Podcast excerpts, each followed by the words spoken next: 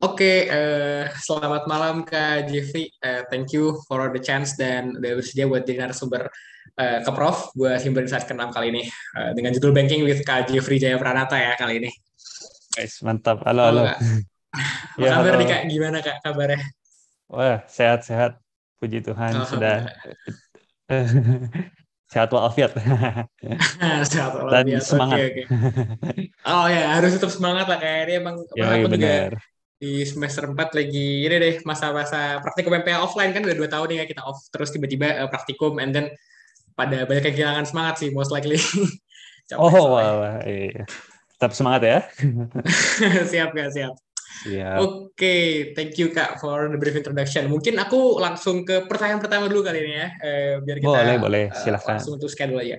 So first of all tuh uh, aku penasaran nih kak, kira-kira kan dari teknik kimia most likely kita kan anak-anak yang diajarkan kalau misalkan aku lihat silabusnya ya itu mulai dari TPB sampai ke tingkat 4, tingkat akhir kita berada di sekitaran oil and gas. Kita uh, ngukur tentang energi, uh, little bit dari kalkulasi mungkin mekanika beberapa dan most likely berada di bidang industri ya kak, membangun industri, ngerancangan pabrik gitu-gitu ya and then tiba-tiba Kak Jeffrey ini masuk ke bidang banking atau perbankan gitu ya. Itu kan something that's new dan istilahnya uh, out of the box banget ya. Kita kita nggak pernah kepikiran kan kalau lulusan teknik kimia bisa masuk ke banking perbankan itu that's literally out of the box.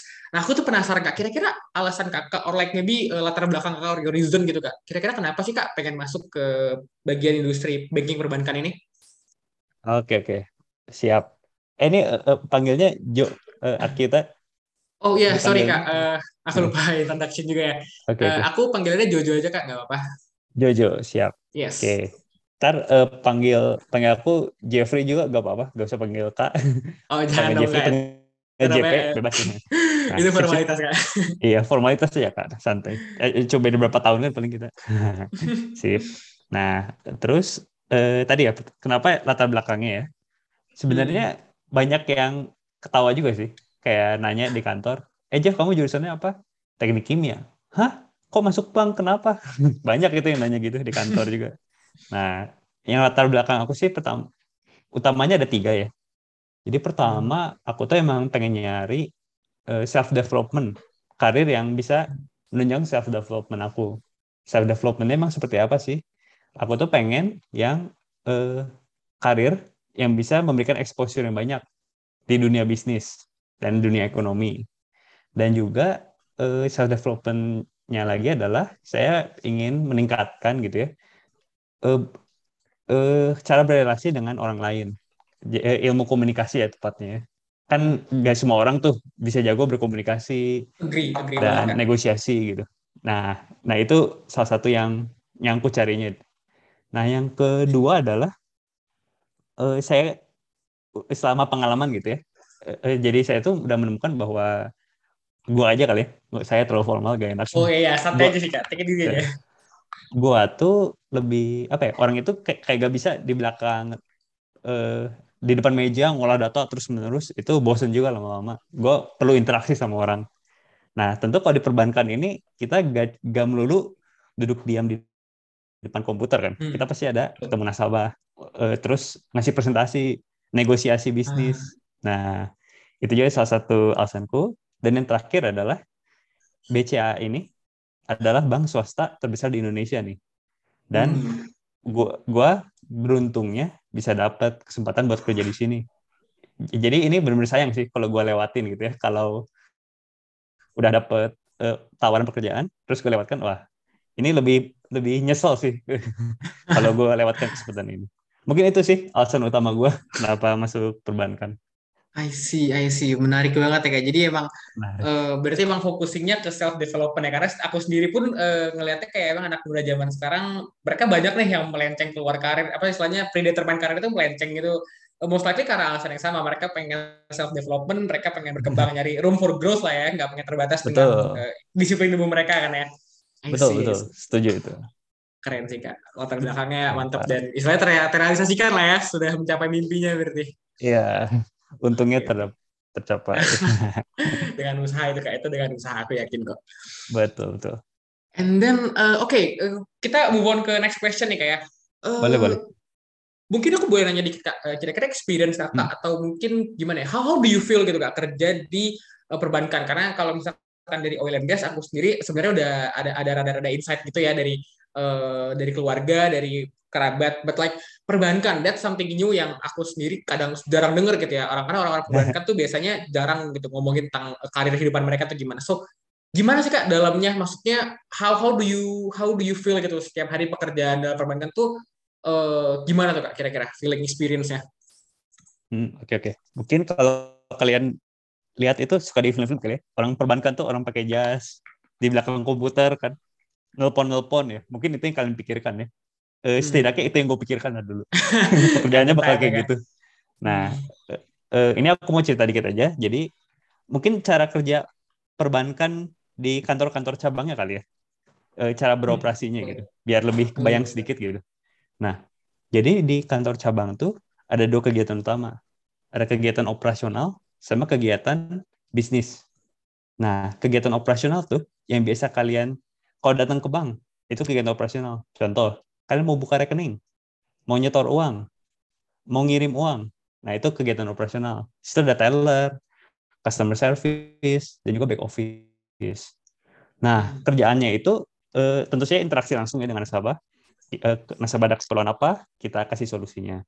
Hmm. Nah, eh, terus eh, untuk teller ya tentu tarik tunai, store tunai, terus mau nyairin cek, nah dan lain-lain sebagainya lah. Ya uh, ya pasti kalian pernah ke teller juga kan? Store ya. uang narik tunai gitu. Betul, betul. nah terus yang terakhir ada di back office. Back office tuh yang biasanya kiriman uang ke luar negeri tuh. Oh. mau ngirim dolar buat pendidikan anak saya ke USA ke Singapura. Nah kurang lebih kayak gitulah. Nah itu yang operasional tadi. Terus untuk yang bisnis bisnis itu kebanyakannya adalah tentang kredit. Jadi bank itu kan sistem bank itu adalah menghimpun dana terus menyalurkan dananya lagi.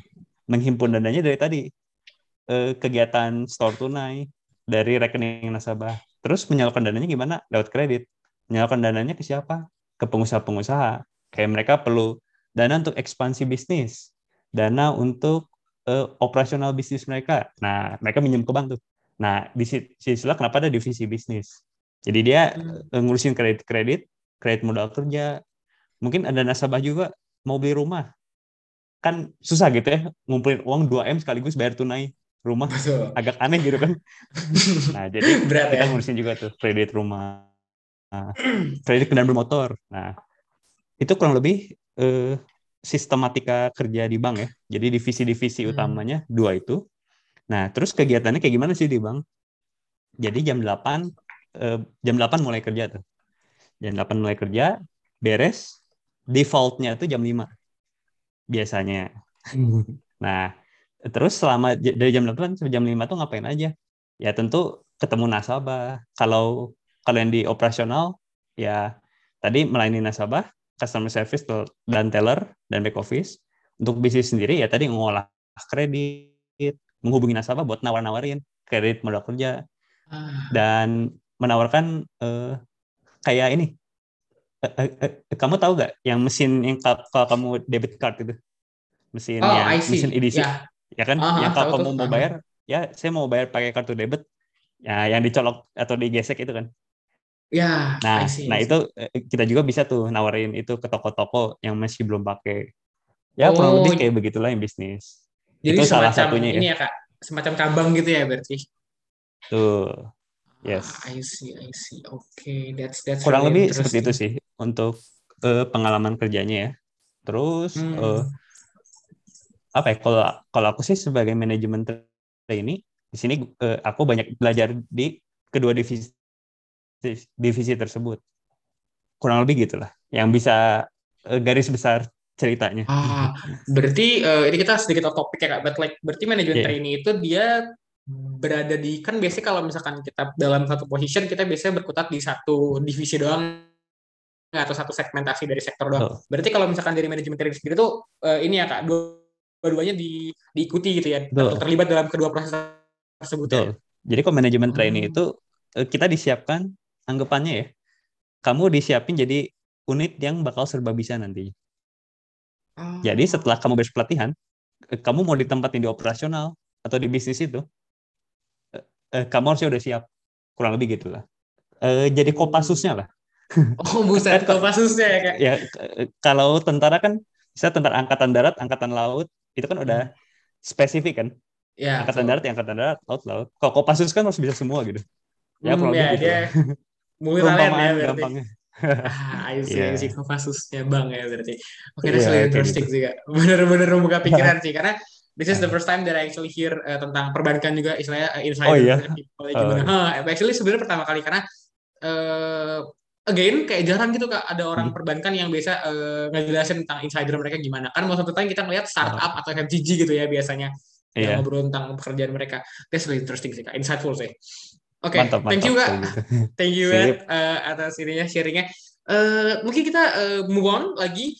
Mm -hmm. uh, pertanyaan ketiga nih kak, uh, kira-kira skill apa aja sih kak yang dibutuhin supaya kita bisa, you know, kayak masuk tapi juga masuk ke dalam dunia perbankan tapi juga nggak kagok atau apalagi kita misalkan let's say lintas disiplin ya dari teknik kimia dari oil and gas sekali lagi masuk ke dunia perbankan yang kita sebenarnya nggak pernah ada kontak sama sekali gitu kak kira-kira skill atau mungkin uh, you know training-training apa yang kita perlukan supaya bisa nyaman dalam role itu, Kak?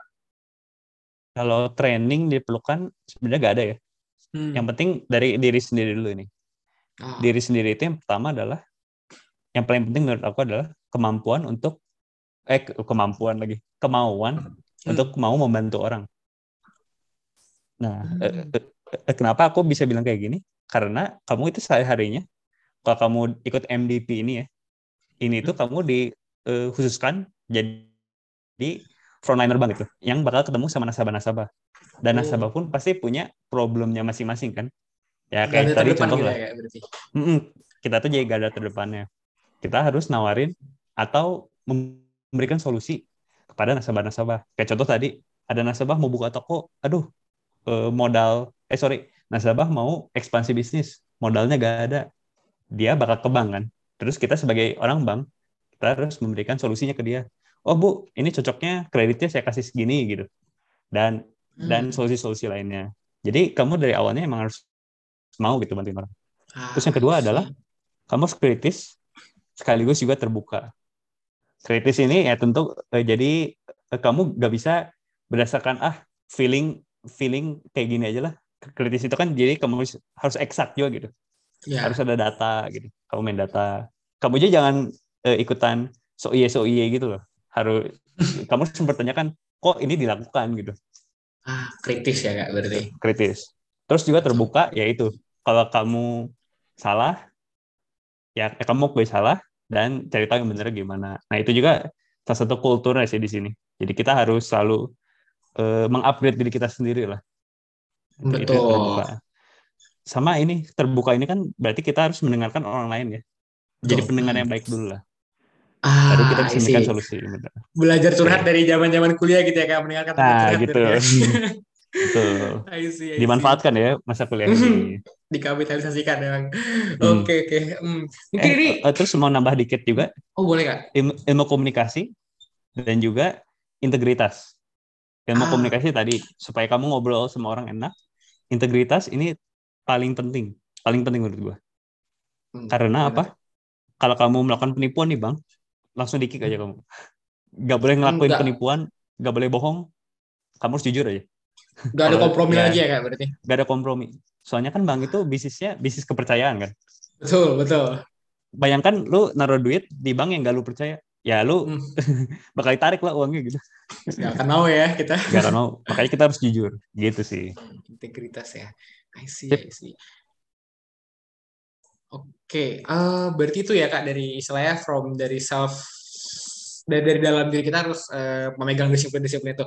But mungkin ini uh, singkat aja sih kak, aku pengen uh, nanya singkat aja, uh, just like quick question aja. Uh, tadi kan kakak bilang kita di garda terdepan dalam perbankan gitu ya, kita menangani Tuh. masalah dari klien, dari nasabah hmm. gitu ya bahasanya. Itu uh, kita emang dari banknya udah dilatih untuk punya set of you know predetermined answer atau istilahnya ketika datang uh, ketika kita berdialog ketika berinteraksi itu engagement ya itu kita harus berpikir sendiri akan solusinya atau udah ada predetermined answer sebelumnya yang disiapin dari nasabah dari hmm. banknya gitu kak tentunya gak ada predetermined answer karena kalau disiapin predetermined answer bank harus ngelis banyak banget tuh betul karena masalah nasabah tuh banyak banget dan beda-beda pasti tiap orang. Jadi kita harus mikir sendiri. Wow. Solusi yang cocok itu apa sih emang buat dia? Critical thinking. Gitu sih. Betul. Oke oke. Menarik banget sih Kak. karena aku sendiri orangnya suka critical thinking, suka apa ya, suka memecahkan masalah lah istilahnya gitu. Hmm. Oke, I see, I see. Menarik nih kak. Gitu. Makin tertarik nih kayaknya aku ke bank. boleh boleh sini cobain. Wah boleh sih kak nanti kalau kesempatan ya. Oke, ah, kita move on ke pertanyaan keempat nih kak kira-kira. Eh, Eh. Gimana nih kak eh, pengalaman kakak? eh, how gimana kan biasanya eh, terutama dalam BCA BCA kan namanya ya at the top of perbankan Indonesia ya kalau misalkan kita bisa bilang gitu ya. Kira-kira pengalaman kakak atau insight kakak how to succeed dalam rekrutmen proses di industri banking gitu kak? Eh, especially kayak BCA kan eh, ya biasanya semakin dia prestisnya semakin tinggi rekrutmennya semakin ketat ya biasanya. Itu gimana tuh kak? Kira-kira supaya kakak bisa sukses masuk ke dalam industri perbankan gitu? And one at the top at that gitu. Oke. Jadi eh, pertama ya, kalau ini aku kalau tes tesnya mah itu tergantung kalian ya. Kan tesnya mah Hmm. kayak tes menghitung, tes verbal. Ah. Maksudnya kayak ada kalimat suruh tentuin ini benar atau salah gitu. Itu mah ya tergantung dari kalian lah ya. Itu bisa coba latihan. Tapi untuk pengalaman seleksinya sendiri adalah tips dari aku adalah yang pertama kalau wawancara gitu, be yourself. Jangan ngarang-ngarang. Jangan ngarang-ngarang. Kan ada tuh orang wawancara kayak dia ngepoles dirinya sendiri lah. Kayak biar kelihatan bagus. Itu pada akhirnya bakal ketahuan. Jujur. Pada, Maksudnya orang HR tuh nanya-nanyanya jago. Dia gak pertanyaan yang eh, template gitu loh. Orang HR tuh Oh. nanyanya pasti cerita pengalaman hidup dan kalian eh, bakal cerita sendiri kan. Nah, Ah. makanya jangan ngebohong. Pada akhirnya bisa ketahuan sendiri gitu. Itu yang pertama ya. Kalau kalian emang gitu ya ceritain aja. Hmm. Tuh. Terus Jujur ya. yang kedua tetap percaya, percaya diri. Percaya diri dan jangan lupa ya kalau sama wawancara atau kan mungkin kalian udah denger per- tahap FGD ya, FGD. Oh, FGD focus group discussion ya. FGD. Betul. Nah, itu kalian harus keep smiling gitu. Percaya diri dan keep smiling. Itu yang paling penting. Itu penting juga sih. Dan gini, eh, aku pernah diceritain ya sama orang-orang eh, trainer pas aku kelas online eh, sama satu tahun ini. BCA tuh gak nyari orang yang udah jago di perbankan. Untuk Oke. yang MDP ini ya, dia Hmm. tuh lebih nyari orang yang punya karakter yang bagus, yang cocok dengan kultur BCA-nya itu sendiri. Nah, Oh. jadi kalian nggak usah takut nih. Aduh, perbankan gue gue buta banget nih dari tekim, nggak tahu apa. Sama proses rekrutmen pun gue nggak ada dikasih pertanyaan tentang perbankan. Semuanya tentang pengalaman kuliah gue. Serius. Oh, oke, that's Itu interesting. waktu zaman gue ya. Aha. Jadi semuanya tentang pengalaman gimana gue menangani masalah. Masalahnya juga maksudnya bukan yang tentang bank gitu. Tentangnya masih bisa di pengalaman hidup lah gitu. Jadi mereka tuh pengen ini ya kak, apa eh, ngelihat kita tuh gimana sih sebagai seorang apa namanya problem solver gitu ya? Benar. Sebagai Oke. betul betul. Itu setuju banget gue. Hmm, see, see. Terus tips yang terakhir ya di sini, kalau pas FGD jangan pengen pengen menang sendiri. Itu betul betul. jadi kalau lu salah, akui kalau lu emang salah. Kalau lu emang benar, lu pertahan, lu coba pertahankan gitu. Cuma jangan terlalu kekeh gitu juga gitu. Jangan terlalu memaksa ya. Ya. Di sini harus ada tenggang rasanya lah dalam berdiskusi. Terus tiap kali lu ngomong, sertakan juga alasannya. Itu yang bisa gue kasih ya? tipsnya sih kalau FGD. Bener, reasoningnya. Jangan lu sampai ngomong tanpa dasar gitu. Itu udah poin minus banget sih menurut gue. Minus. Gitu sih. Maaf. Benar-benar setuju sih kak. Berarti emang eh, istilahnya eh, kalau misalkan bisa dibilang tuh everyone actually punya kesempatan yang sama ya buat masuk ke perbankan not privilege to orang-orang accounting or management division eh sorry management education gitu ya kita kita pun dari apa disiplin ilmu yang agak-agak melenceng pun masih bisa gitu ya masih punya kesempatan yang besar gitu ya untuk masuk perbankan ah, Betul sekali, see, betul. Oke That's- itu Eh mau buat- mau tambahin dikit boleh? boleh yang- boleh mangga Yang keterima bareng gua tuh ya, Hmm? jurusan ya. Ini gua spill aja. Ada yang dari bahasa Boleh. Korea, ada yang Wow. dari astronomi, ada yang dari teknik lingkungan, ada yang dari DKV, desain komunikasi visual. Oke. To Jadi honest, yang pertama pintu. tadi paling paling ini sih kak. Yang pertama tadi Astronomi ya. astronomi dan bahasa Korea itu yeah. nothing related sih jujur aja. Iya. Okay. Karena apa? Kita dilatih lagi semuanya dari awal. Semuanya diajarin dari awal. Jadi jangan takut gitu kalau kamu emang benar mau masuk sini.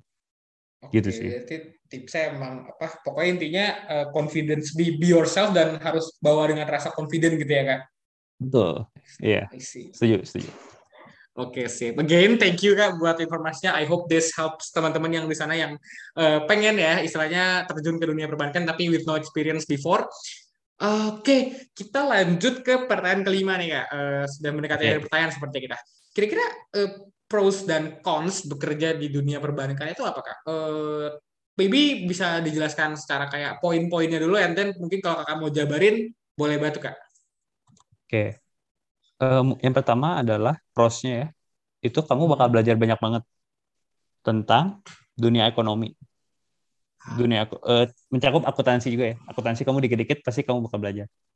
Terus yang kedua adalah kamu belajar juga tentang analisis risiko di sini. Oh. Analisis risikonya seperti apa? Itu agak susah sih dijelasin di sini. Tapi intinya uh, kita itu melakukan prosedur itu dilakukan di bank. Kan bank kita kenal prosedural prosedural gitu. Kenapa sih emang ada prosedur? Ya itu supaya banknya gak ketipu dan bank itu juga aman hmm. untuk orang-orang. Kurang lebih gitu loh. Oh berarti ini ya kak istilahnya uh, like ketika kita mau ketika dari bank gitu ya pengen meminjamkan uang ke orang-orang itu di situ uh, prosedur dan apa tadi kan namanya risk manajemennya dipakai ya kira-kira ini orang Betul. ini gak sih uh, apa namanya prospek gak sih kalau misalnya kita kasih pinjaman gitu ya istilahnya? Betul kurang lebih gitu. Ah I see I see oke okay, oke. Okay. Terus Apalagi kamu juga bakal belajar tentang teknik komunikasi.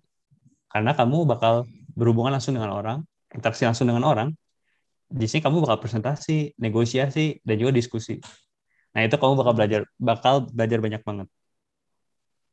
Itu pros yang pertama ya, belajar yang banyak. Yang kedua adalah fasilitasnya emang oke okay sih yang diberikan. Oh, Mulai dari asuransi, fasilitas kesehatan, dan tunjangan-tunjangan lainnya itu menurut gua cukup oke okay, gitu untuk fresh oh. graduate ya. Oke. Okay. Nah terus di sini itu yang gua rasa adalah lu bakal dipush untuk jadi the better of yourself. Hmm. Itu. Oh. Terus untuk cons consnya adalah jam kerjanya tentu tidak fleksibel ya. Di bank kan ada jam operasionalnya kan. Jadi ya hmm. gak bisa seenaknya gitu. Ah mau kerjanya malam aja kan WFH juga gitu ya ya gak bisa WFH juga tetap pagi sampai sore gitu oh. Gak, mungkin kan kalau di startup bisa jadi jam kerjanya lebih fleksibel ya kalau aku dengar ya betul nah kalau di sini ya agak fleksibel dan jangan hmm. sangka orang bank tuh kan bank jamnya misal jam 8 sampai jam 5 terus sudah gitu pulang ya enggak itu bisa aja jadi ada lembur tidak menentu oh. gitu Betul. Jangan soalnya yang gue anggap di pertama mindset gue ada orang bank tuh pasti udah terstruktur lah e, hmm. masuk tepat waktu pulang tepat waktu ya ternyata tidak seperti itu gitu.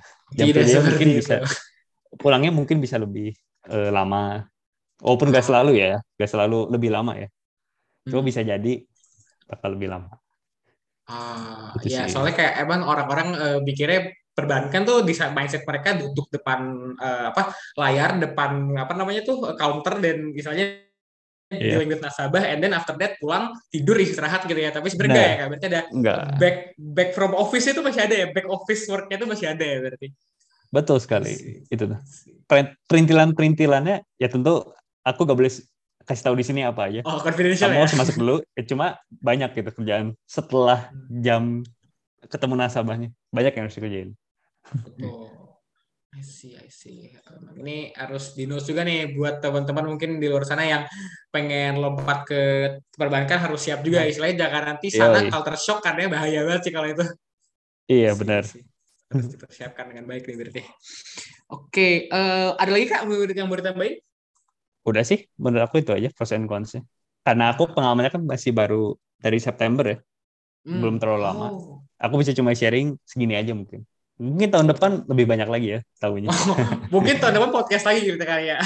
oh boleh boleh boleh. Aduh. Siapa tahu nambah insight lagi. Nambah insight baru kan ya. Oke oke. Tadi kan kita udah ngomongin nih kayak mulai dari uh, from the beginning dari latar belakang sampai ke sekarang pros and cons nih. Nah, hmm. kira-kira nih Kak, uh, ini sebenarnya intermezzo aja sih, intermezzo question sampai uh, penghubung sampai pertanyaan terakhir kita. Ini sempat aku singgung juga beberapa poin-poin sebelumnya ya. Uh, kita teknik kimia ya kita kita sebenarnya lulusan teknik kimia and then kita juga nggak pernah itu perbankan paling at the very least at the very best gitu ya kita pernah belajar tentang uh, ini ya kalkulasi keuangan dalam industri gitu ya tapi itu cuman yeah. apa superficial lah lapisan paling atas doang kita nggak ngerti dalamannya yeah. Oke, okay, nah sekarang uh, from that aku pengen nanya, kira-kira dari antara tulisan seorang insinyur di teknik kimia itu ada hubungannya nggak sih kak bekerja di perbankan? Maksudnya kayak ada korelasi atau kakak merasa pas masuk ke perbankan tuh everything yang kakak pelajari sebelumnya suddenly irrelevant semua gitu loh. Udah jadi kayak nggak ada hubungannya sama sekali. Itu gimana tuh kira-kira komennya? Sebenarnya dari pertanyaan kamu udah terjawab tuh. Yang pertanyaan dari pernyataan yang kedua tuh. Suddenly oh. eh, semuanya eh, irrelevant. irrelevant. Jadi hmm. ya jujur aja yang aku pelajari eh, ya contoh macam masa dan energi termodinamika. Hmm, semester tiga tuh. Ya uh, terus apa lagi? Ya ya tinggal sebut lah. Uh, itu gak gak sekepake itu lah gak sekepake itu. Tapi di sini adalah the big picture ya yang kamu dapat dari kuliah. Dan bisa kepake di sini adalah uh, procedural thinking kamu. Hmm. procedural thinking kamu benar diasah loh di Tekim menurut aku ya, ya. betul. Aku setuju makanya itu. ya makanya waktu aku ke bank pertama mungkin uh, agak shock emang eh, udah pasti emang beda banget. Belajarnya hmm. juga materinya beda. Tapi setiap ada prosedur itu itu kita udah biasa kan baca prosedur makanya ya. begitu begitu di bank gak terlalu sekaget itu prosedurnya banyak ya coba kita bisa ngikutin ah. nah eh, mungkin itu sih yang aku bisa bilang ya untuk ekonominya sendiri yang kamu belajar nanti di semester 8 eh, sejauh ini sih gak terlalu kepake gak, gak, gak terlalu relevan lah dengan apa yang kamu hmm. pelajari di bank nanti Oh, gitu sih. Oke, okay, berarti bahkan ekonominya pun nggak relevan ya kan berarti. Ekonomi yang di teknik kimianya kurang nyambung lah di sini. Ah. Tapi tapi tapi ah. misal nih, kamu dapat klien atau nasabah yang industri teknik kimia juga. Ah. Nah, itu kan kamu sebagai uh, analis kreditnya. Nah, itu kamu bisa uh, lihat tuh, oh ini pabriknya gini gini. Nah, itu kamu kan punya pengetahuan lebih tentang pabrik. Jadi kamu bisa Betul. lebih tahu nih, pabrik ini emang oke okay atau enggak itu kalau kamu dapat kliennya klien pabrik ya. Klien sebuah oh. perusahaan pabrik. Itu berarti baru itu uh, istilahnya ini ya kak? Eh, dari misalkan let's say kita uh, work dalam suatu counter gitu. Itu uh, so ini kalau misalkan confidential kalau misalkan apa off limit gitu ya pertanyaannya itu kayak kak. Kalau misalkan hmm. kakak nggak mau jawab. Tapi kalau misalkan berkenan uh, let's say misalkan ada dari pabrik suatu pabrik A gitu ya datang ke BCA gitu untuk uh, okay. peminjam uang atau mungkin let's say kayak parteran atau mungkin uh, risk manajemennya gitu itu mereka okay. prosedurnya datang ke counter secara ambasador gitu atau mereka discuss lewat secara company itu company gitu kan? Uh, discussnya kalau minjem uang kalau uh, itu biasanya lewat telepon dulu lewat oh, telepon okay. nanti baru kita meeting gitu Hmm. Uh, misalnya gue sebagai uh, analis, kredit analisnya, terus si banknya ada yang mau minjem uang. Nanti orang dari si perusahaan itu juga dan gue bakal ketemuan. Kita ngobrol, emang masalahnya gimana, peluangnya segimana. Terus nanti kita diskusiin tuh. Kita bisa ngasih dana berapa buat si perusahaan itu. Gitu sih kurang oh, lebih. Oke, okay, I see. I see. Soalnya tadi pas dengar kakak tuh uh, I kind get like you know uh, misconception dikit sih makanya tadi aku uh, oh, okay, okay. aku sempat mikirnya ada ambasador datang gitu ya secara perorangan gitu uh, dia datang lewat counter dan ngomong langsung ke, ke, ke ininya ya apa orang yang ada di banknya jadi mereka oh, emang lewat telepon membawa nama perusahaan gitu ya berarti. Ya betul. Hmm.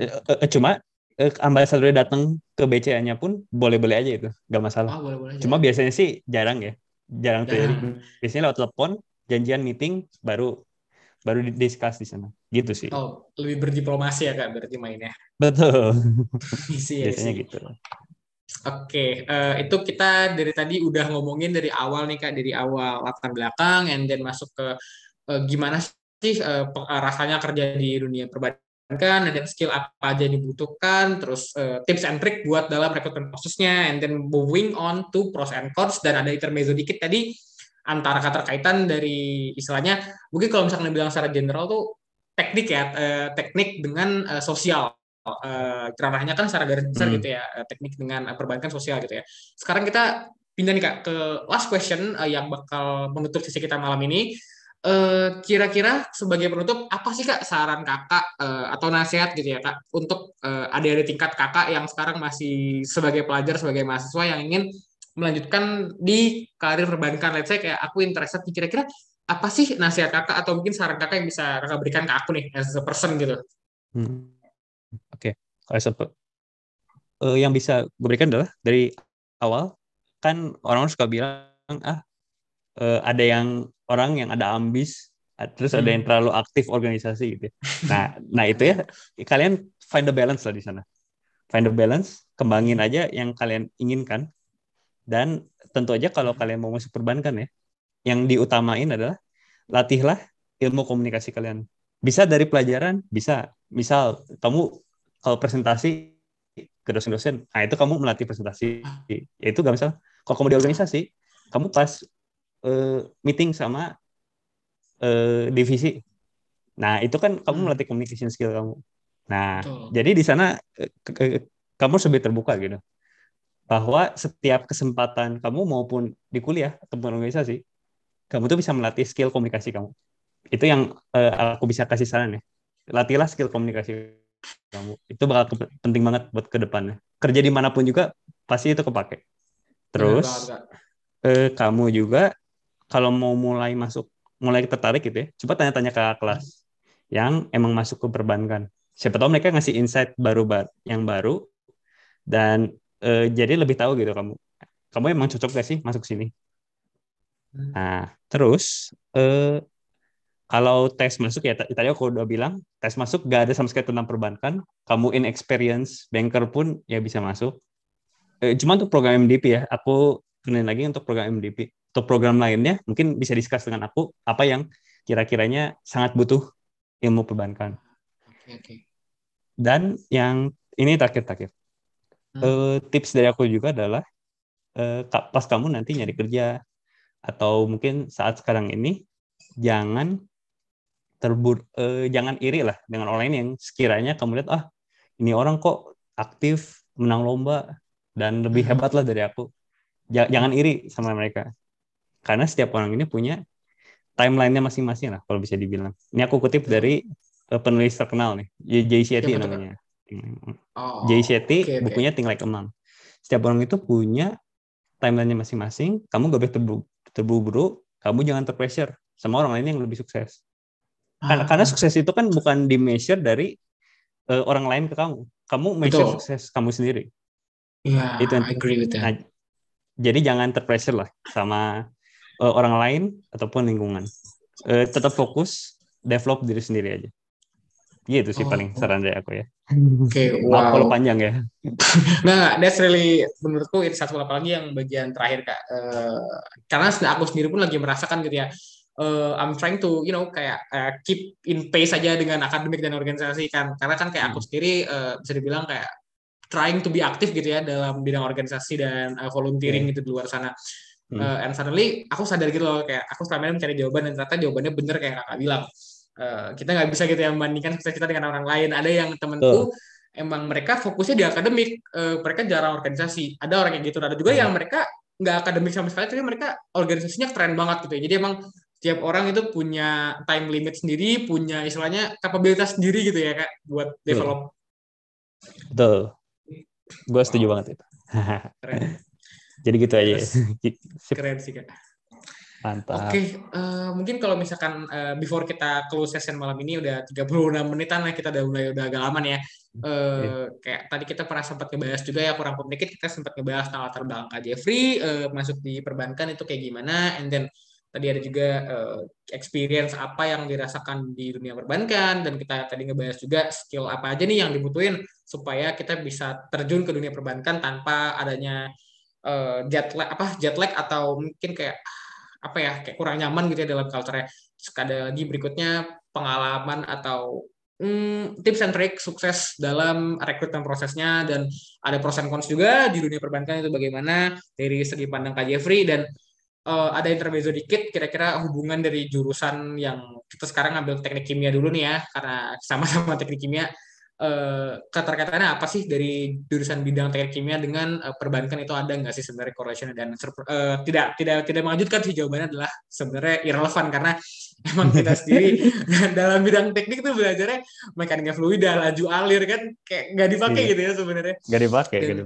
betul nggak dipakai kak terakhir kita tutup sesi malam ini dengan saran atau nasihat dari Kak Jeffrey buat teman-teman mahasiswa yang pengen masuk ke dunia perbankan Oke, okay, uh, eh, again kak, uh, I think that's uh, itu itu udah wrap it up buat semua sesi kita malam ini. Mungkin kalau misalkan sebagai formalitas penutup kak, aku boleh hmm. minta tolong on cam kak? Kita pengen foto nih kak uh, sebagai penyerahan sertifikat buat kakak.